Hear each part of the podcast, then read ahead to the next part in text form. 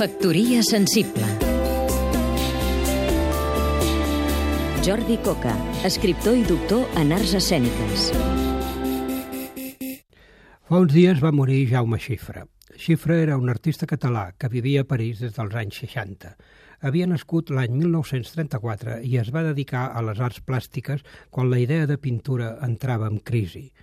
Tot i no abandonar mai la tela, Xifra es va apropar a l'art conceptual amb unes obres anomenades irreversibles.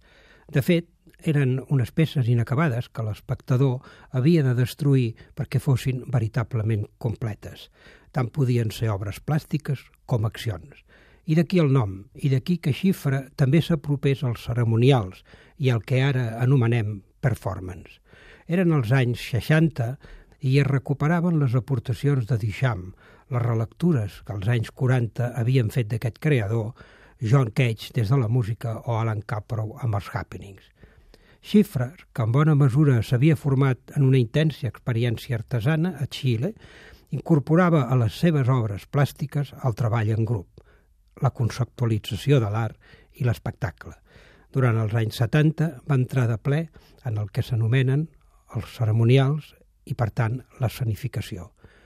Formava part dels grups d'artistes catalans com Joan Rabascall, Antoni Miralda, Benet Rossell, que vivien a París.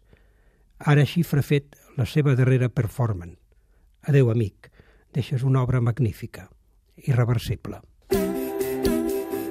Factoria sensible Seguim-nos també a catradio.cat